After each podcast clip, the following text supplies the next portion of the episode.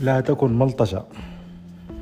في موظف شغال في شركة بتاعة مبيعات في عميل هام بعد جهد جهيد حدد معاه موعد عشان يعرض له منتجات الشركة.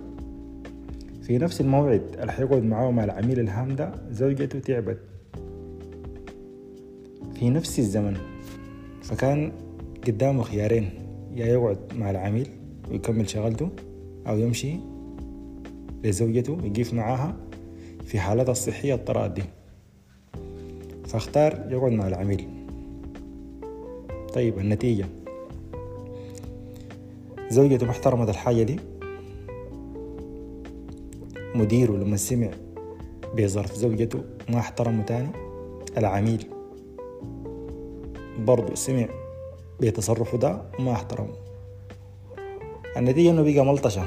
في بيته في عمله وسط عملائه.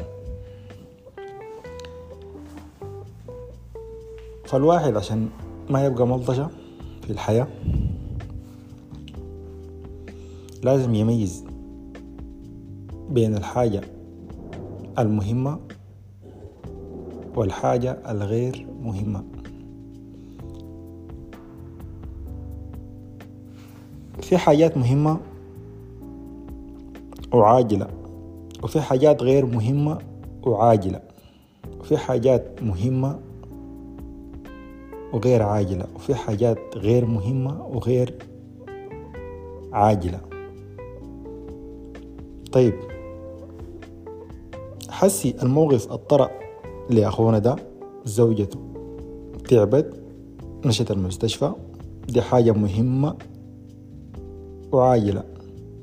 مقابلته للعميل الهام ده برضو حاجة مهمة لكن غير عاجلة.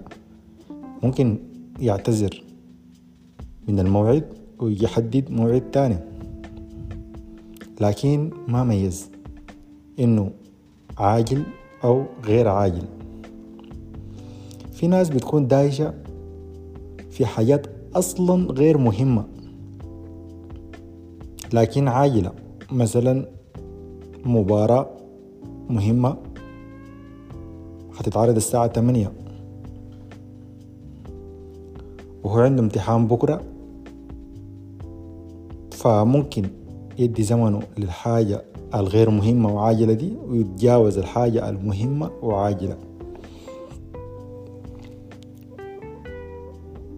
طيب عشان أنا أختار بين الأربع حاجات اللي هي. الأشياء المهمة والغير مهمة العاجلة وغير عاجلة دي في حاجة لازم يتعلمها. إنه أقول لأ. يعني أنت اضطر عليك موقف عشان ما تبقى ملطشة. تعرف تقول لأ. عشان تقول لأ لازم تميز الحاجة دي وضعها شنو؟ من الأربع حاجات دي. هل هي مهمة وعاجلة مهمة وغير عاجلة غير مهمة وعاجلة غير مهمة وغير عاجلة. حاجة غير مهمة وغير عاجلة مثلا زول متابع له مسلسل في نتفليكس وممكن تكون عنده مثلا وزنه زايد. وزنه زايد وعنده مسلسل متابعة في نتفليكس ممكن الرياضة حاجة مهمة لكن غير عاجلة.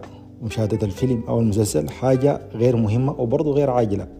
ممكن يدي زمنه للحاجات الغير مهمة وغير عاجلة ويتجاوز حاجات مهمة لكن غير عاجلة. فزي ما قلت نتعود نقول لا. عشان نقول لا لازم نعرف كيف نميز بين الحاجات. وعشان نحن نقدر نميز الحاجات دي لازم نحمي مخنا. واللي بيحمي مخنا النوم. الواحد كان ما بيقى عقله صافي وجسمه ماخد كفايته من النوم المخ بيكون مشوش ممكن ما يقدر يميز أصلا عشان أنت تقول لا. يعني الشغلة هي مدرجة. عشان تقول لا لازم تميز بين الحاجات. عشان